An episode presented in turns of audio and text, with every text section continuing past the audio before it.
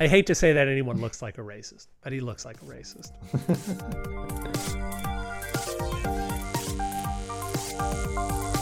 Well, I'm not a crook.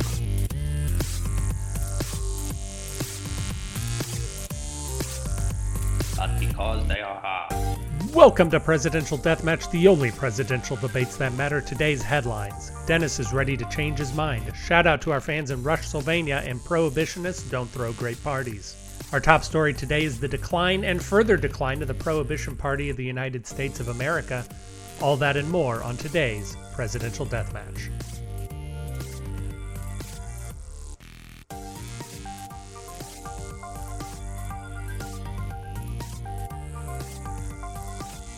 Welcome to Presidential Deathmatch. Uh, Dennis, we've just finished recording uh, another episode, so this is a this is a double stuffed Oreo of presidential history for us. Yes, indeedy. And we are embarking on something new, something that I, I'm really excited about. I've been really excited about it all day. You may recall when we were discussing season three, for a little while, I was trying to get you to just talk about parties. I said we should just do political parties for season three and talk about their rise and fall. Oh, I And beg, it yeah. It, it was primarily because I wanted to tell this story about the Prohibition Party. Oh well, there you go. Yeah, so I found a way to do it. So efficient. We knocked them both out. Yeah, so instead of our usual very fun format, we're going to do a different very fun format Oh, where we uh, today we are going to talk about the Prohibition Party of the United States, and you're going to learn a lot about the Prohibition Party. And you're going to learn a lot about the candidates the Prohibition Party has put forward over the past 150 years or so of their existence, uh, because it is 101 years ago, in a couple of weeks, that America told itself it was finally going to clean up and fly right, Dennis, and we entered the nightmare we call prohibition. There is no shortage of arguments for or against prohibition, and there are many different analyses of the efficacy or lack thereof of prohibition. Did it accomplish its aims? Did it not? Were there unintended consequences? Were there not? There's a lot of disagreement about it, especially regarding what side of the political spectrum you are.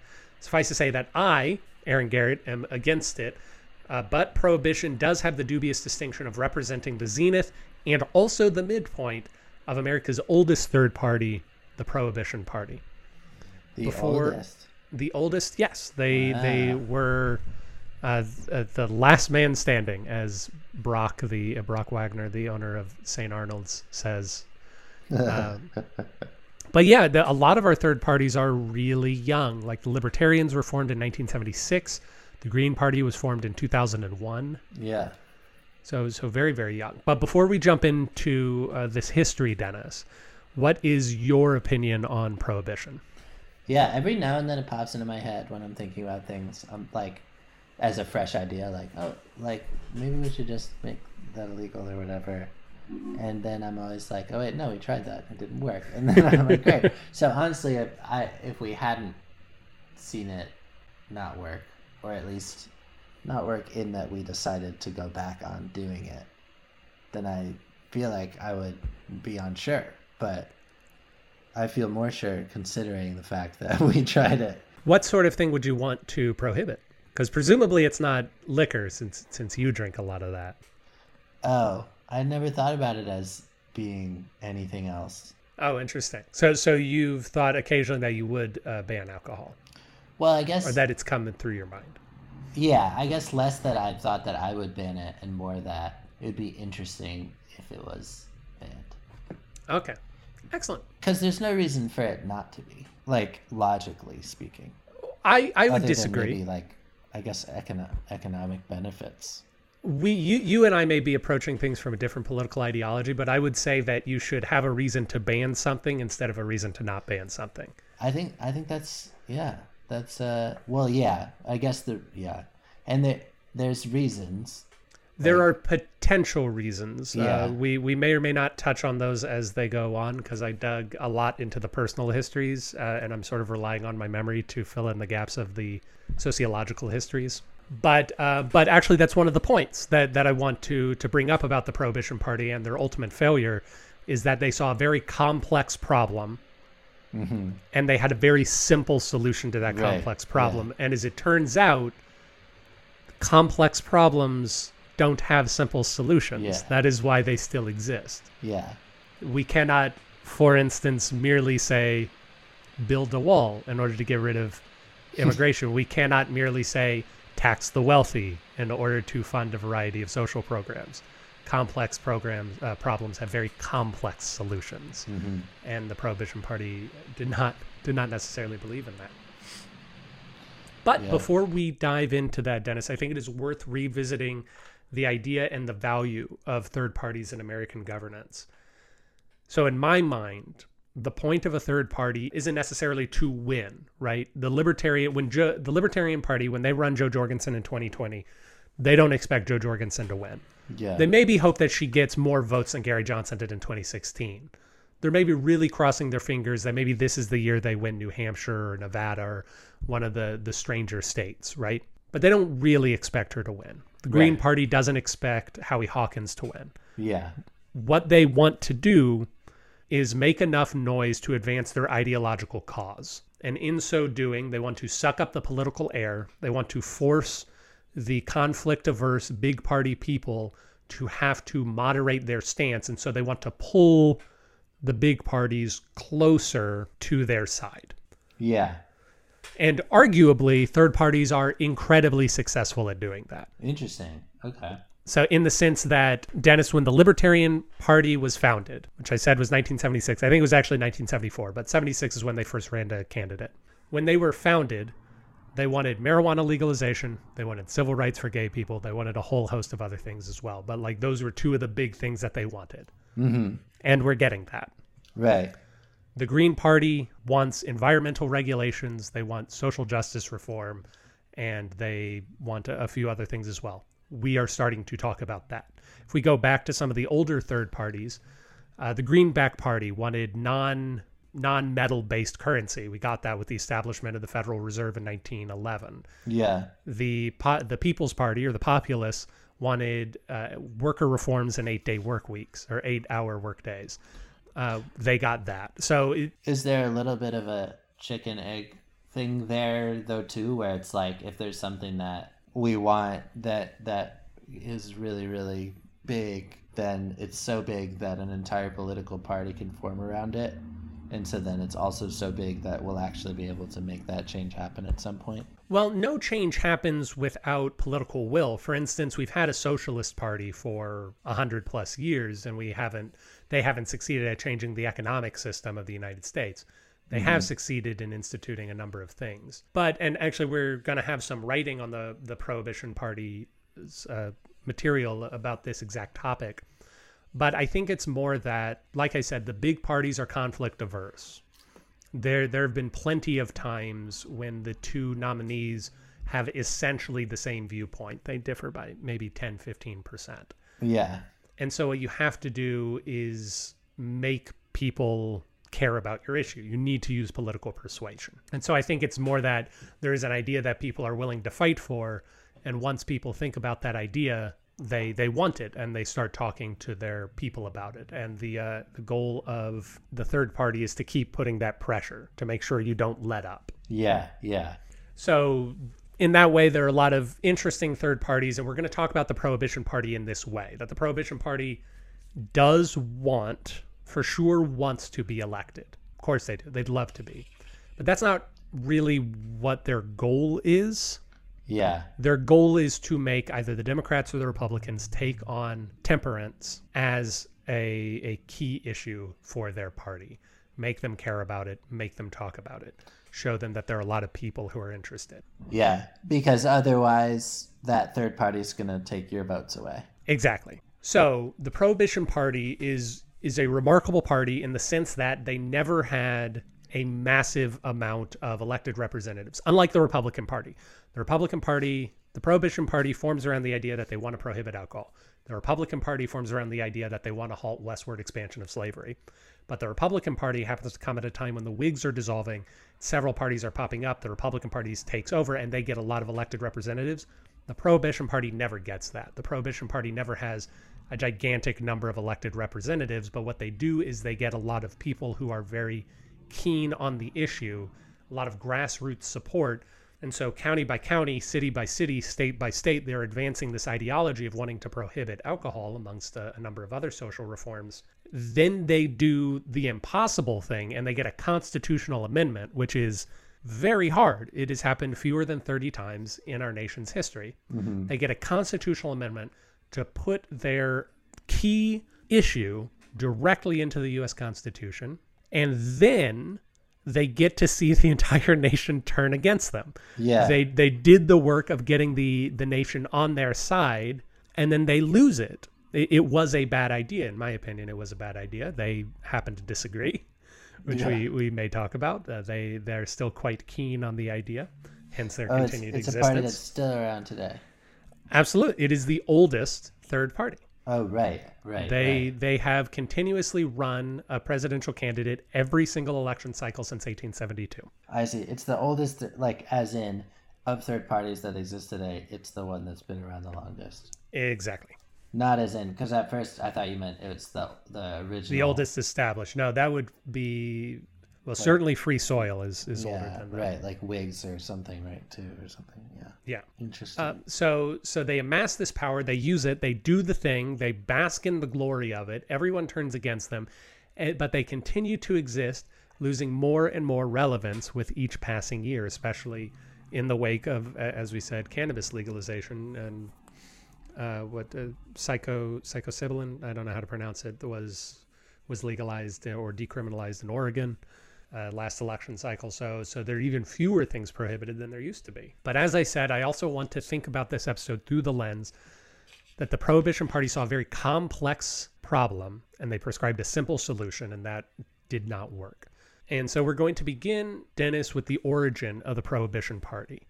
Why do you think the Prohibition Party wants to ban alcohol? The only thing I could think is because of the dangers of alcohol abuse. That is true to an extent, but the real answer is family values. The Prohibition Party sees alcohol as the most corrosive element to the healthy functioning of a family. And as they form, or as the temperance movement forms in the 1840s, far, uh, far before the party, they see fathers and husbands spending their salaries at saloons, not having enough money to feed and clothe their children, not spending time with the family, not going to church, et cetera, et cetera, et cetera. Mm. And so, in reality, the Prohibition Party is a conservative esque family values party. Yeah, not not with any distorted basis in that either. Like it's a very fair perspective to have. Yes, although although I would still argue that that particular solution, I think that uh, you are looking at symptoms of a problem and saying it's the root cause. Mm right? Instead of saying instead of asking why are these men spending all these times at the saloons instead of with their families? they're saying that uh, much like a lot of people say about sort of any new technology saloons are so attractive that they can't help these weak-willed men can't help but spend all their time there. Right. so we need to get rid of them and once we get rid of them then all of the problems will be solved. Right right. Which isn't true. Yeah. Um, the the problems are far deeper than that. The problems yeah. are probably rooted in a bunch of uh, men in the midst of an industrial revolution not really understanding what their place in the world is anymore, feeling as though they are trapped by their families and in a society and wanting to to escape. Would be my guess. so Dennis, I, I have been obsessed with the Prohibition Party since I number one learned that they were still around, which I did around the time of the 2012 election. And one of the saddest political things that I think I have ever read or seen is there's this table on Wikipedia of all of the Prohibition Party candidates and where they got the nomination. And so it starts off, they're in Columbus, Ohio, and they're in Lincoln, Nebraska. They're in Philadelphia. They're holding their delegation, their national convention in New York and Philadelphia and um, Sacramento, like all these big towns. And just yeah. over time, they become smaller towns. So suddenly they're in Akron or they're in Cairo or they're, um, you, you know, Cairo. just, yeah, Appleton, Wisconsin. They're just in, in really small places. And then Wikipedia starts getting really specific and saying like, oh, they're at the Holiday Inn in Ann Arbor. Oh, they're at the Budget Motel here. Just smaller and smaller and smaller until you get to the 2016 and 2020, which is just conference call. There's just a conference call for how they selected their candidate. But I think it's also really remarkable that they continue to select a candidate. They they are still Yeah. an organized enough party that they are doing this every single year and they are still getting out there every single election cycle. They're still putting people out there. And it's just delightful for for Yeah. me. I, I really admire that chutzpah on their part. And it's a, I mean, you have to spend money to do that and raise money, and You do. This we learned from Andrew Heaton. You got to find electors. Yeah. So, Dennis, we are going to talk about a number of uh, Prohibition Party presidential candidates uh, today, starting with James Black. But before we do that, I, I want to read out some sort of Prohibition parties by the numbers. So, like I said, they've run a candidate every single election cycle since 1872, starting with James Black. However, for our purposes, their last the way that uh, we chose who were who we were going to talk about this season they have not had a candidate qualify uh, as notable for us since 1972's Earl ha Harold Munn, which makes them technically less notable than Roseanne Barr's 2012 run for president, which I feel is an insult in and of itself. Yes.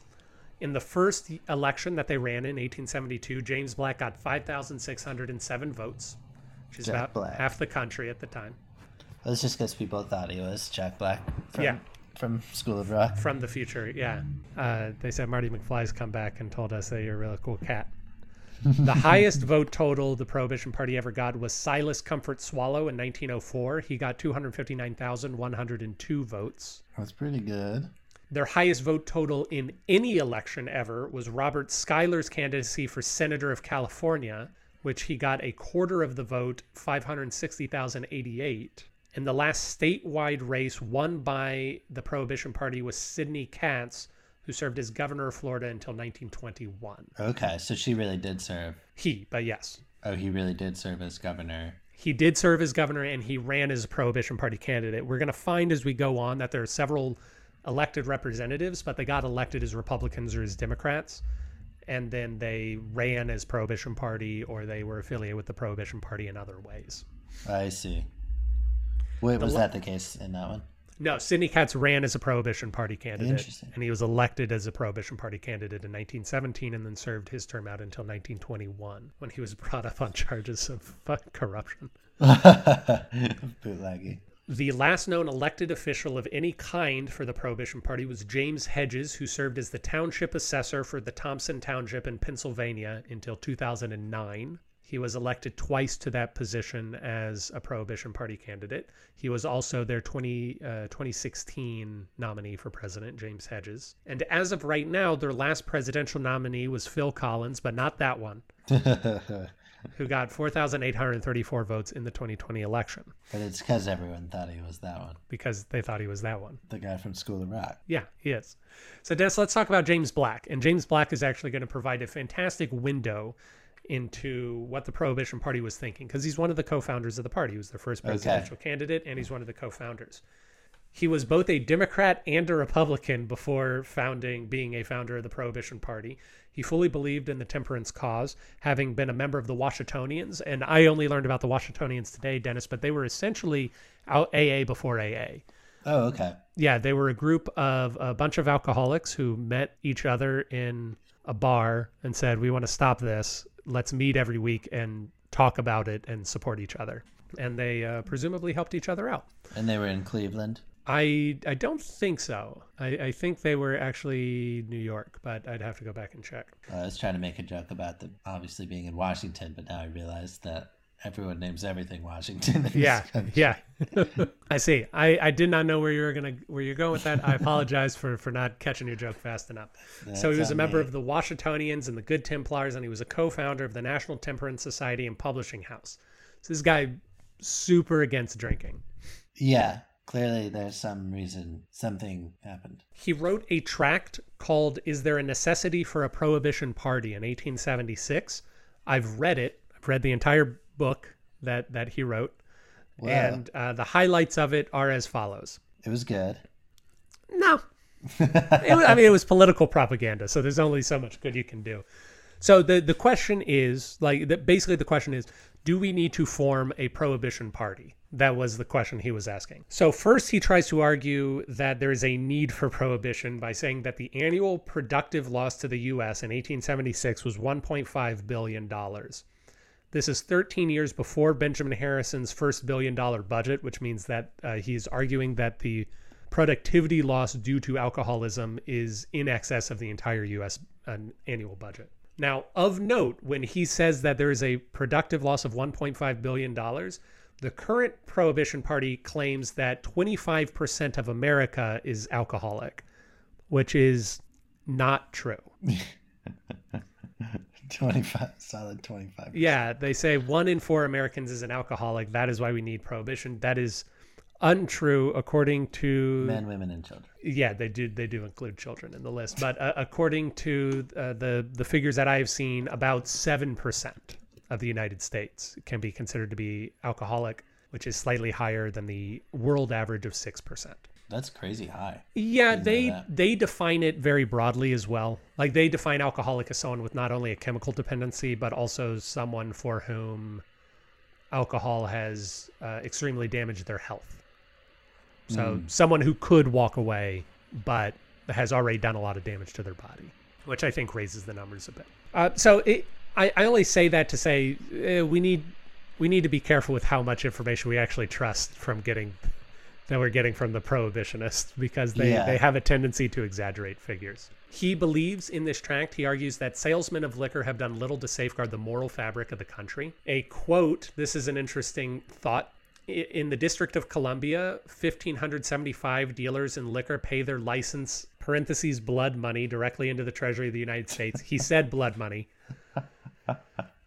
thus stamping this injurious liquor business upon the infancy of future states. Uh, to which I, I'm assuming he's made that this is similar to people being upset that the Hugo Awards were being sponsored by Raytheon. Uh, he's saying that the U.S. government is being is having licenses paid to them, therefore the new territories and new states are being formed out of liquor money, and that this is tainted money. This is uh, this is uh, immoral money, and we should not have it. James Black argues that people are more interested in prohibition than ever before, and that when they are allowed, they demand temperance laws, and that liquor interests block referendums on such laws, sort of similar to the way that internet and cable companies these days block a lot of municipal referendums so so as not to challenge their monopoly.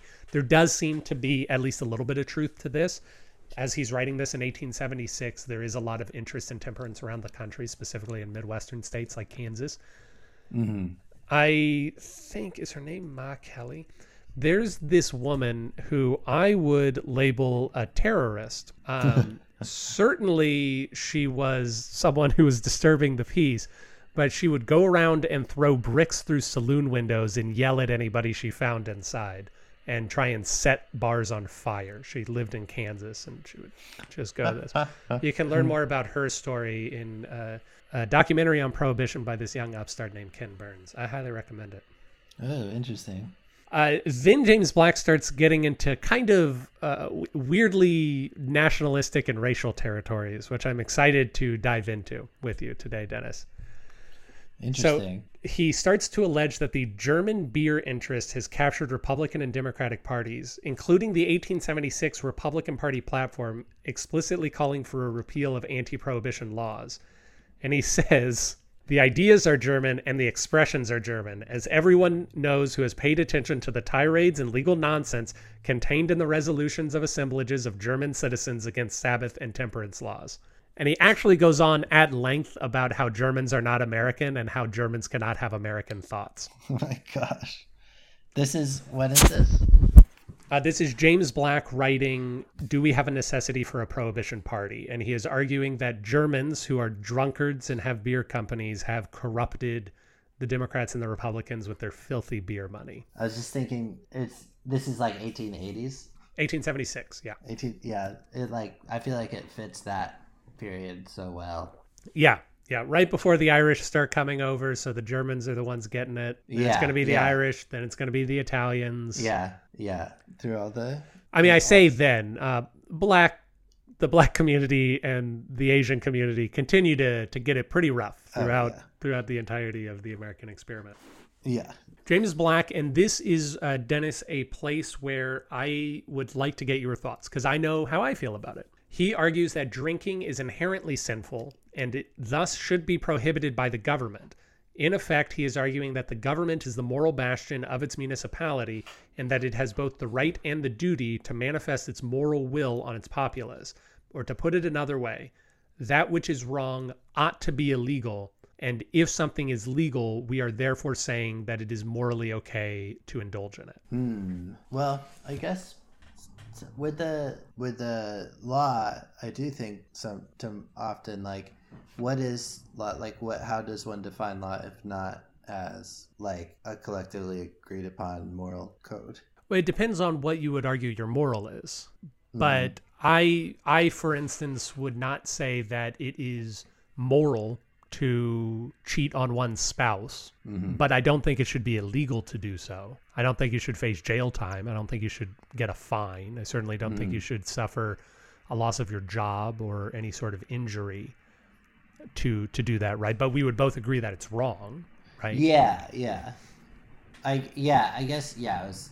Uh, I wonder if maybe it's it's a more it's the it's the collectively agreed upon starting point for moral like it's like or like it's the base for a moral system that we want that we tr- are trusting all individuals to have for themselves but like that it at least needs to be something that we are agreeing that there are repercussions for everything more extreme than some certain level or like more general than some certain level or something like that maybe that'd be I'm certainly thinking on my feet right now so Well, certainly we have um, we we have to choose what are our most important values, and I think one of the most difficult things in any political conversation is where do you define harm, because nobody wants Yeah. to call like we all agree. I think we all agree that the government has a duty to prevent citizens from undue harm to other citizens. But where is that line uh, as to what what is permissible harm or what isn't harm that is in the interest of the state? Um, but at least for me I, I sort of said this earlier uh, i don't know what freedom is if it's not the freedom to do things that the culture disagrees with you on like free freedom eh, freedom to do anything isn't meaningful if everybody would let you do it in the first place right so, so the only Im important freedoms are the distasteful ones. They're the ones that say, "No, I can get drunk at ten in the morning as long as I'm not crashing my car into people or into to property. But, but I can do it. I can live my life that way. I can be slovenly. I can let my yard grow unsightly. The, these sorts of things that we would generally agree are wrong. That we would rather our neighbors not do them or our friends or or our relatives but are not in, injurious to us or, or are not of supreme injury to us and thus to, to others right and so uh, we we have a value that we want to encode in our law of of freedom or of liberty as opposed to one of whatever but James Black is at least disagreeing with that idea. Then he gets into in this book something which is very interesting if true. I have not had the time to research it uh, because it would take quite a lot of time. But he argues that many towns and counties have voted for prohibition in the past only to have the popular will overturned. He does not discuss by what measure they were overturned, whether that's state fiat, say Houston wants to pass a, uh, pass a mask mandate, and then the Texas government comes in and says, no, you can't do that. Uh, whether it's the courts saying, no, this law does not seem to, this law seems to be at odds with either the state constitution or the U.S. government constitution, uh, or whether this was overturned by a future vote, which it occasionally does. So, for instance, uh, Dennis, a few years ago, I think you had already moved, there was a ballot initiative in Houston for whether or not to raise the salary of firefighters. And in my mind, that it should be voted no. The firefighters should not get a salary increase because the sort of history of leading up to that was that uh, the police, like everybody had to renegotiate, all the unions had to renegotiate their salary with City Hall. And so the hospital workers came and renegotiated, and the police came and renegotiated, and city uh, janitorial and municipal came and renegotiated with the city, and the firefighters refused to come and negotiate with the city. Uh, and then once they refused to negotiate with the city, they said, well, we're going to take it to the people. And so they put it on the initiative to get a much higher raise than anybody else did. And then they did a big campaign that said, don't you love firemen? Don't you want firemen to be whatever? You know, they sort of left out the the fact that they would not negotiate in good faith.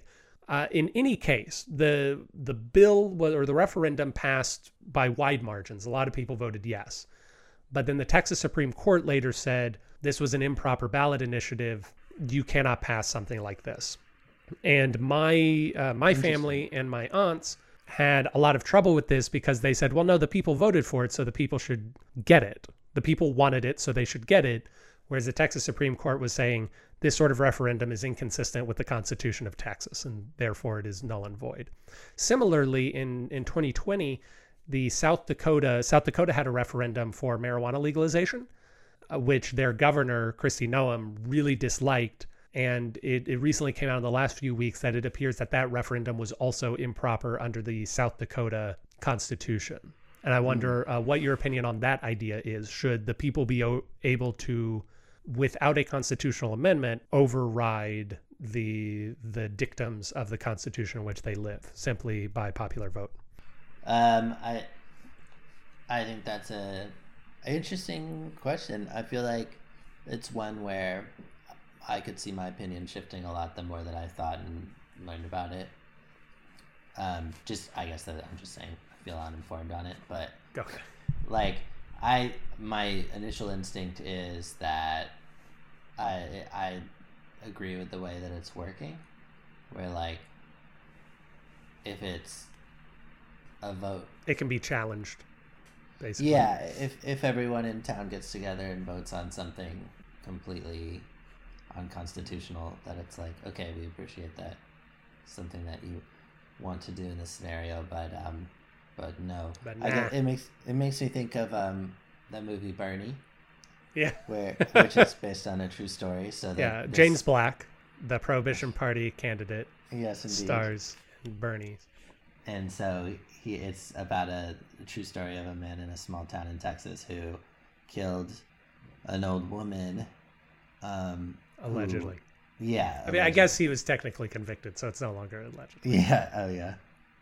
So, yeah. So he um, but like what basically what the movie the, the portrait the movie paints is that he was an extremely kind uh, man who was a pastor maybe or very involved at the church.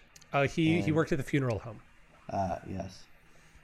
And then the but and then this old woman was basically so mean to everyone that he was the last person that would that would even interact with her and that she was like really on her last legs and everything else. Um, and so like, so the town decided when he killed her that he was too nice a guy and that she was like on her deathbed anyway, and so they didn't want they didn't feel like convicting him. So then yeah. when the police start to look into this, the whole town is trying to hide what really happened instead of him just trying to get away with it. So, which is a pretty great scene. Yeah, yeah, I mean, it's, yeah, it's, it's such a fascinating thing, and it does make you wonder: is there anything else to it in that scenario, to actual fairness in that scenario, than the town, the community to whom it concerns, deciding to acquit a person? Yeah, I guess again, I feel that I agree with what actually happens, which is that he has to go to prison. Yeah, but I don't know. I don't. I, it's not as strongly held. I could be convinced to let murderers go. Yeah. So James Black finally concludes, and this is an interesting argument that he's about to make. I'm going to read it to you, Dennis, and then I want you to respond to it. Okay. So okay. he he says that working within the old parties is a folly because they are weakened by so the prohibition cause is weakened by association with a party that does not wholeheartedly believe in it. And he additionally says that if you are a member of, say, the Republicans and you believe in the cause of prohibition, and the Republican Party does not believe in the cause of prohibition, then even if you get the nomination, you're not going to be voted on. Basically, the the Democrats who weren't going to vote for you still aren't going to vote for you, and the Republicans who don't want prohibition aren't going to vote for you. So, so you Right. need a party. But then he says something that uh, really struck me as fascinating. He says, We need a new national party for a restoration of confidence, mutual interest, and goodwill that has not been secured. There's a feeling of having been wronged and an animosity toward the people of the North on the part of the South, with suspicion, mistrust, and lack of confidence in the sincerity and patriotism of the people of the South on the part of the North. It is the supposed interest of partisan politicians and a partisan press to keep this feeling alive, and every utterance and occurrence in either section is caught up and magnified to inflame the public mind. The great body of one of the old parties in the North and the other in the South, intense sectionalism, is resorted to by both in order to secure a party triumph. A new national party with a true national political issue affecting and interesting alike every state, country, and then he like keeps getting smaller from there is required to divert through uh, is required to divert thought allay animosities and bury old antagonisms Hmm. so do you know what he's saying there No, I was just to say. So, in summary, Yeah. In summary, Republicans are in the North, Democrats are in the South. Neither of them have forgiven each other for the Civil War. We need a new national party with an issue everyone can get behind, aka prohibition, to reunify the country. hmm. yes. Nothing like prohibition to bring people together. No, nothing like removing bars to get people into a room together. Yeah. Separate back out to families. So that was the the writing and the thoughts of James Black, who's the first candidate.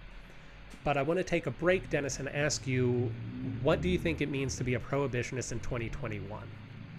So naturally, they they want to restore prohibition. They want to get, they want to repeal the 21st Amendment, which repealed the 18th Amendment. So to put the 18th Amendment back in. But in 2020, they created a full platform uh, which means that they were actually more organized as a party than the Republicans were in 2020. Because, lest anyone forget, the Republicans did not have a platform in the 2020 election.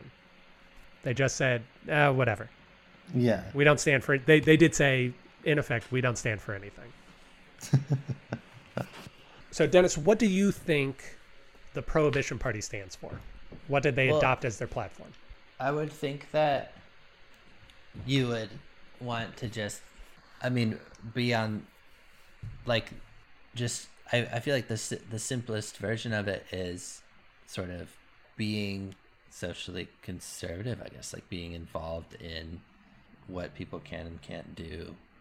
I guess maybe you could still be specific to like substances or something like that. Yes, like, they do say they oppose tobacco in every form. They want to end government subsidies. But let's say climate change, Dennis. What do you think the Prohibition Party has to say on climate change? Um, well, I I mean, maybe I'm barking up the wrong tree, but you could say something like that the industry surrounding alcohol production contributes to climate change and so like if we figure out a way to taper it, then we would, um, you know, that would have a huge impact on on the climate. So you, so so I, I am um, I am attempting on some level.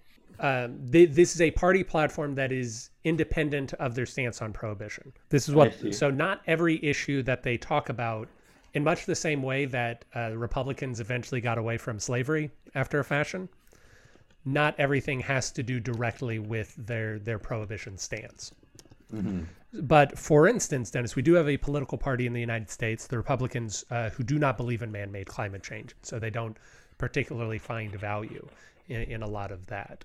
Uh, but but your argument would seem to suggest that you think that the Prohibition Party does believe in man made climate change. Would that be an accurate summation? I guess it's hard for me to think that like anyone other than people that have a lot of reason to pretend that they don't believe in climate change would, would just believe in it by default. But maybe they have a lot of reason. Maybe they do. I, I'm also attempting to trap you, but you're being very clever by not being trapped.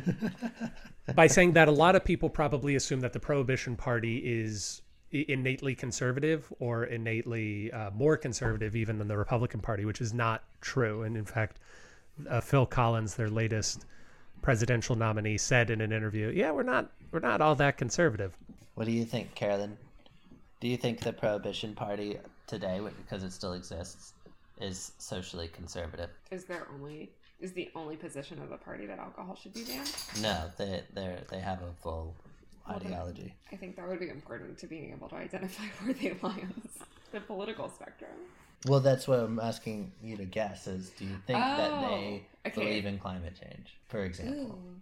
Oh, well, don't get me started. My guess is that they're pretty conservative. Are they not? You've been caught in Aaron's trap. Are they in my trap? According to the Prohibition Party platform, we advocate increased research on and development of non-fossil fuel fuel oh. resources, tax breaks for companies engaging in such and subsidies for consumers wishing to change from fossil fuels to renewable domestic sources of energy. We believe that climate change could be an existential threat to civilization. We will cooperate with other nations in mitigating its possible effects. However, we will not surrender our sovereignty in this or in any other regard. I worry that the could be an existential threat makes me right a little. I'm just gonna throw that out there for a second. Interesting. Are there other positions pretty progressive? Or not really? I mean, that's not insanely progressive, but. No. Well, the, so what we're doing right now is trying to guess their platform. Oh, I'm sorry. I'm ruining this game. I just wanted to say hi to my dog. okay. Well, I'll let you guys get back to it in a second. On the subject of trade, Dennis, we insist on an end to the use of pressure to restructure the economies of debtor nations in ways that favor large corporate interests over protections for poor and middle class families. We favor employing sound monetary principles when lending to other nations. No nation which fails to protect the civil rights of its citizens may be accorded most favored nation status. So this goes back to the idea that they are a family party, or they view themselves as a family values party. Mm. party.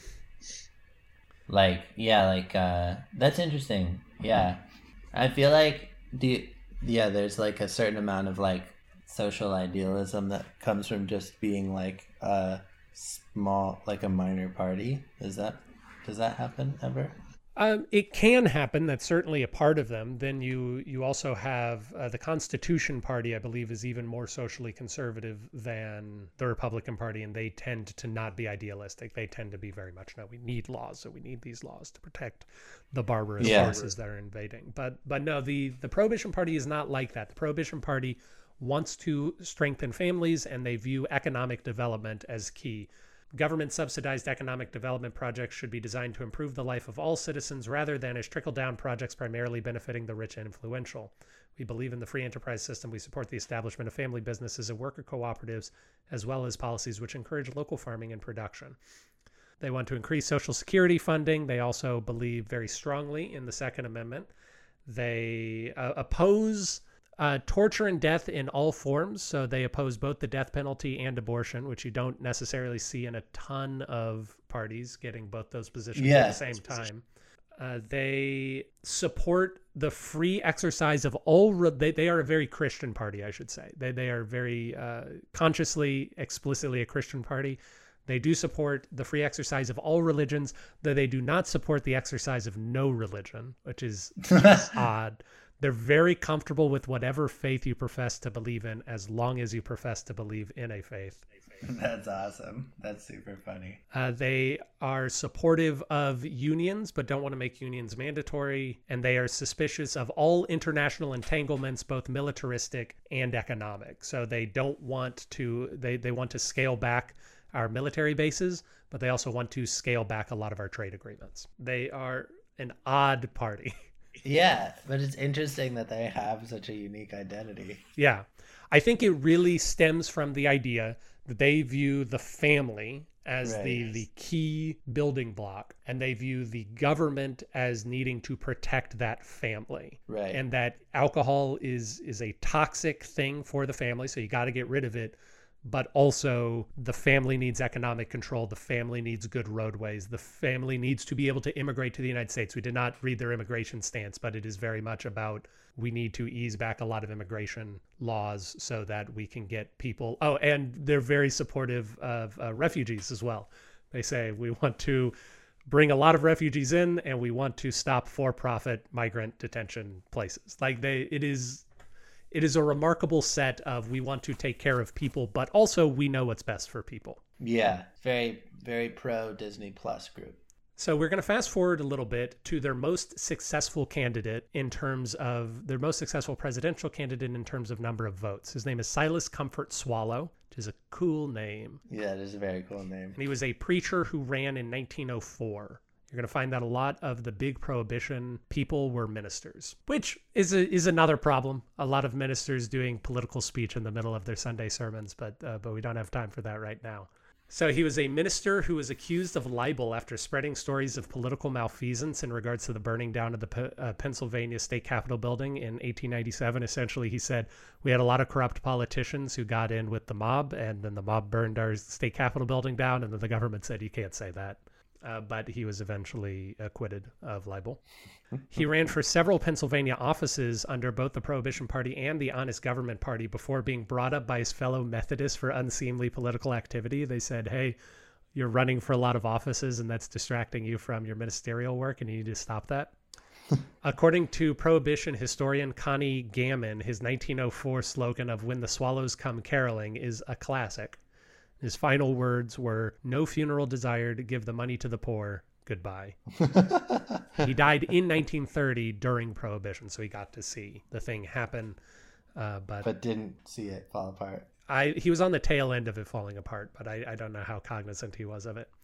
So reading through, he was there, as I said, he was their most successful candidate. He ran in 1904, and I think that has more to do with timing than it does to do with him. Right, right. I think that was the right time. 1904 is when they really started picking up a lot of steam. And although he seems like a very charismatic guy, he was not a drag to the ticket. Yeah. He he does not seem like a guy who really got out there and did things. Oh, but he was successful in widening the party platform to include more populist elements such as women's suffrage and direct election of senators.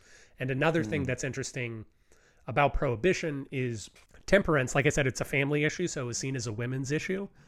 And so a lot of prohibitionists were early supporters of women's suffrage because a lot of the most famous temperance movement people were women who were arguing right. for their own suffrage. And so the men that they associated with were also saying, yes, we think you should have the right to vote. Yeah, that's interesting. Mm -hmm. So Dennis, after prohibition, they have the prohibition party has a choice. Like question, why does the prohibition party continue to exist after prohibition is enacted? This is a question for you. Why do you think? I guess because they had at that point established enough of a an ideology that they felt like they had something going that they wanted to stand by and didn't feel like another party represented them. And I guess part two would be that they there it was maybe already clear that it was something that would have to be work there would have to be work to maintain it. Yes, that is lar largely true. They they decided against disbandment and instead uh, decided to focus on enforcement. Mm. How can we help enforce this? How can we get stricter laws on the books? We are going to take a very brief tour of the four men presidential candidates during Prohibition.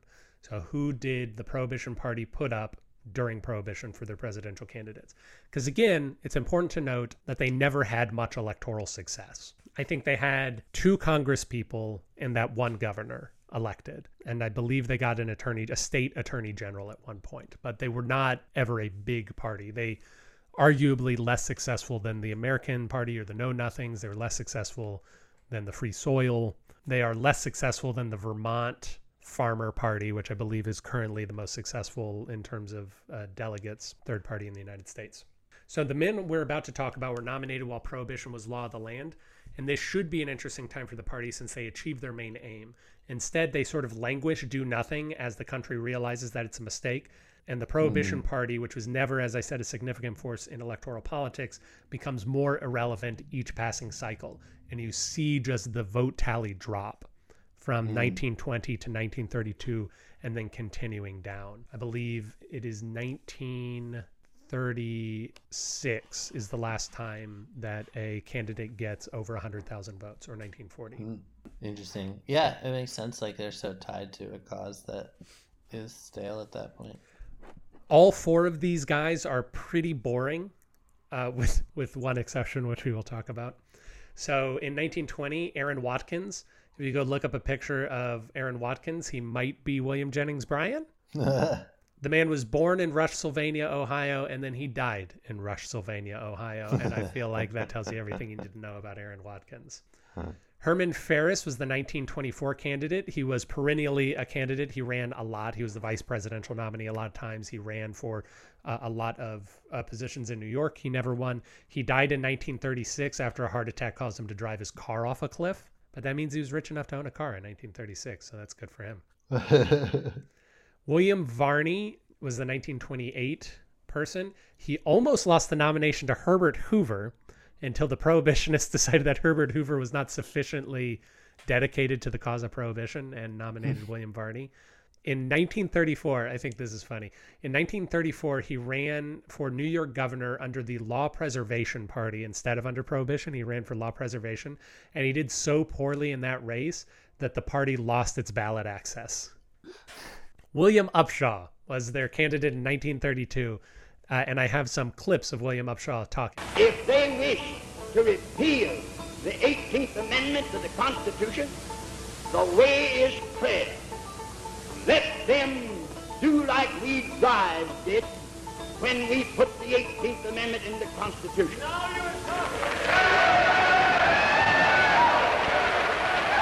I was honored four years ago by being offering the presidential nomination of this party, but declined it in order that I might not divide the dry vote since both the Republican and the Democratic conventions have betrayed the 18th Amendment, which was wrapped in prayer and enacted in constitutional majesty. This convention of real dries is an absolute necessity. Oh, geez, this guy. Uh, he he really liked the Ku Klux Klan. Like he was really he wasn't a member, but he was just really into the Klan. He has a quote of the Klan. A fan. This is a quote. It's not going to sound like a quote because of how it begins, but quote that he felt sort of a wounded pride in hearing the many criticisms hurled at the Klan, which was organized in my district and whose imperial wizard is one of the knightliest, most patriotic men I have ever known. He was accused of being a fake cripple by his fellow congressmen. He would use crutches to get around, but once they saw him like running around on the steps when he was late to something, so they said, "Man, what's going on?" and towards the end of his life, he claimed to be healed by a faith healer who gave him back his ability to walk before later saying, "No, I was I was wrong. Like, yeah, I, I regained my ability to walk beforehand, but God still did it. That is so weird. He's a very weird dude, and he looks like a racist. I hate to say that anyone looks like a racist, but he looks like a racist. Dennis, for our purposes, the last notable Prohibition Party candidate was Earl ha Harold Munn. He was the last candidate to earn over 20,000 votes. He ran three times in 1964, 1968, and 1972. His best performance was his first. It's unknown why he didn't run in 1976. Did the party not renominate him or what? Hmm. Uh, and I also want to talk a little bit about the Prohibition Party website because I got a lot of information today from the Prohibition Party website, which you can go to. It exists. It looks like it's from the 90s. So if you want to know what the internet uh, looked like when I was introduced to it via Power Rangers fan fiction, you can go to prohibitionist.org and see a waving American flag and all of the the various quotes. There are quotes everywhere on it. So I I was reading the the party platform, right? Before every part of the party platform, there is a link to a separate page of just quotes on whatever the subject is. So on the subject of immigration, there are just a bunch of quotes from Henry David Thoreau about immigration and from anonymous sources and sort of pithy phrases and things your, your grandmother would send you. It does very much look like a website that your grand, well, my grandparents would, Right. would uh, pay attention to. As of right now, just so everyone knows, there are no upcoming events for the Prohibition Party. You cannot go to a rally or anything uh, according to their upcoming events section. But if you're interested in becoming part of the Prohibition Party, an act which I, Aaron Garrett, do not endorse, and in fact, I actively discourage you from becoming part of the Prohibition Party. they have many openings on their national council. They have an absurd number of openings on their national council. They say that each state is allowed to have two delegates. Most states have none. Dennis, if you or I wanted to become the Texas delegate, we could write to them and say, I would like to be the Prohibition Party delegate to the Prohibition Party National Council. I think that there is enough information out there that they would disqualify me because I certainly like drinking. But maybe you'd fare better. I don't know. They also have a section on their website called a random bibliography where they say, here's a bibliography. Some of these sources aren't good. You have to figure out which ones they are. what?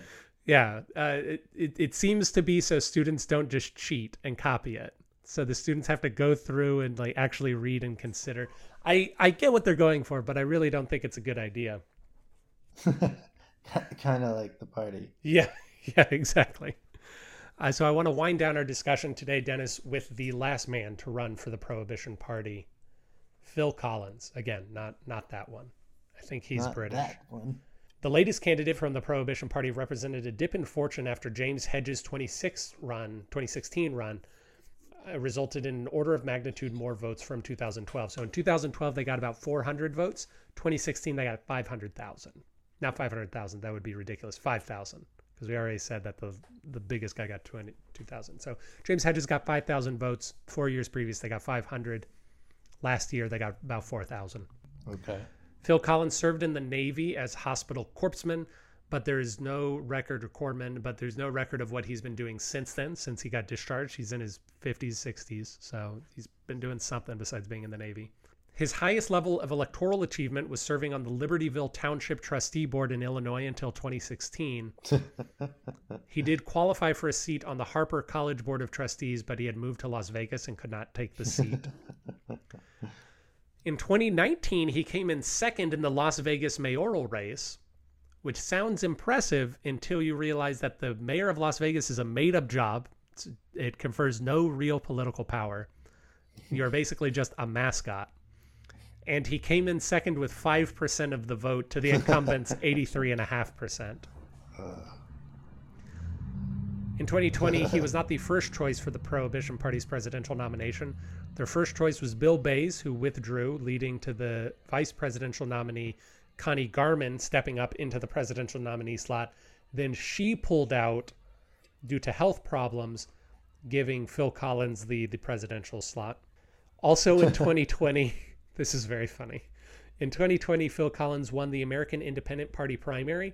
However, they ultimately decided to give their nomination to Rocky De La Fuente with Kanye West as his vice presidential candidate. Oh no. So he missed out on that. And the latest election Mr. Collins ran in was the 2021 Oshkosh Common Council primary, and he got 8% of the votes, six out of about nine people.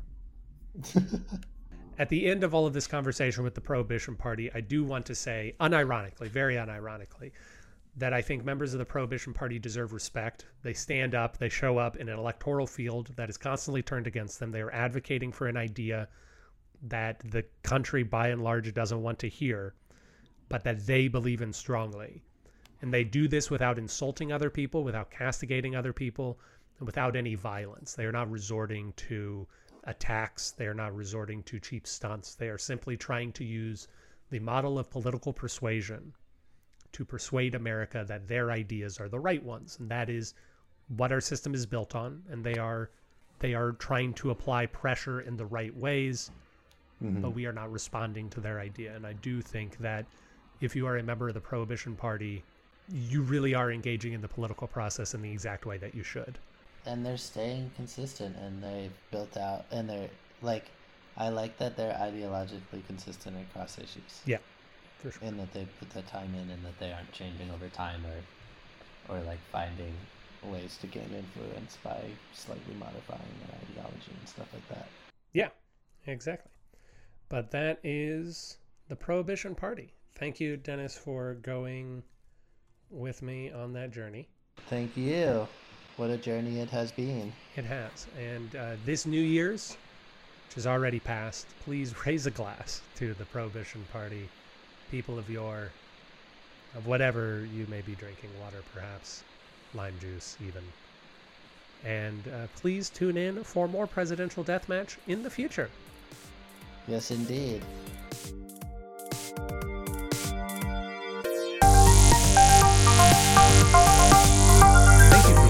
Presidential Deathmatch presented by Pronoia Theater. Presidential Deathmatch is hosted by Dennis Buddy and Aaron Garrett. It's edited by Aaron Garrett and it's listened to by you, and we really appreciate you for doing that. If you have the time, we would ask that you rate and review the show wherever it is you can find it. It really helps the show out. If you didn't like us, well, why don't you come back and listen? We really grow on you, don't we? If you want to support the show, you can do so at pronoiatheater.com slash store, paypal.me slash pronoiatheater, Venmo at pronoia. We really try to keep as many buckets in the ocean for you to give us money as possible. If for whatever reason you have a comment, question, or concern, you can always reach out at contact at pronoiatheater.com and we'd really like hearing from you. Until then, please come back. I am known as Canon Chase, Washington, D.C. The issue before this country is moral. That immorality has affected the economic and the political system. The trouble with the 18th Amendment is not that it cannot be enforced, but it is that there has grown up an alliance between organized crime and the corrupt polit- political system. The Honorable Clinton N. Howard, Chairman of the National United Committee for Law Enforcement, as temporary chairman of the National Prohibition Convention at Indianapolis, delivering the keynote address. Police, they tell us, Mr. Chairman, that they do not want the return of the saloon. What do they want? They say we want beer. My friends, if you bring back beer, you bring back the bar. If you bring back the bar, you have the saloon. The same old institutions with the flag over the door, with the license on the wall, with the sawdust on the floor, with the bar lined with the boys and bums, spending their money, debauching their characters, rotting their bodies, and jeopardizing their immortal souls. The curse of the cradle, the nightmare of the marriage altar, the vulture of human society, the populator of the cemetery, the wild beast of our boasted Christian civilization, untamed and untamable, unwashed and unwashable, uncivilized and uncivilizable, unmuzzled wherever licensed upon the highways of city, state, and nation, scattering physical, mental, and moral hydrophobia among the people, leaping upon our little children, driving its poisonous fangs into the heart and brain and blood of our young men, stealing the roses from the cheeks and the virtue from the hearts of our daughters, disappointing the hopes of our fathers, breaking the hearts of our mothers, destroying our homes, corrupting our politics, making cowards of our policemen and perjurers, of our public officers, and smiting with the leprosy of perdition the gate of every city and the foundation of every state. That's what it was, and that's what it will be again. I am George Nye, the Quaker evangelist of Madison, Wisconsin. The great people of the United States of America are out exhibiting their menagerie. The Republican Party has paraded the elephant around the ring and fed him so much booze that already his stomach is contracting and he's about to lie down with a bellyache. The Democrat Party has paraded the jackass around the ring and fed him so much booze that he's liable to lie down in a drunken stupor. The Prohibition Party have always fed the vote on pure green grass and cold water. And now my slogan is uh, fire, fire, fire. I smell smoke. Get on the water wagon, pitch the whole